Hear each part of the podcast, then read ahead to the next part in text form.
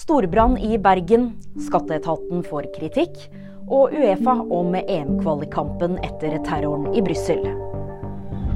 Det oppsto kraftig brann i Bergen sentrum torsdag ettermiddag.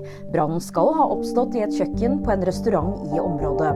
Store mengder sort røyk spredte seg over sentrum, men ved sekstiden så har brannvesenet kontroll over brannen, og det er ikke meldt om personskader. Riksrevisjonen retter kritikk mot skatteetaten. De mener arbeidet med å avdekke norske skattepliktiges inntekter og formuer i utlandet ikke er godt nok. Riksrevisoren mener skatteetaten må skjerpe kontrollen på dette området. EM-kvalifiseringskampen mellom Belgia og Sverige skal ikke spilles ferdig. I stedet så får hvert lag ett poeng, opplyser Uefa.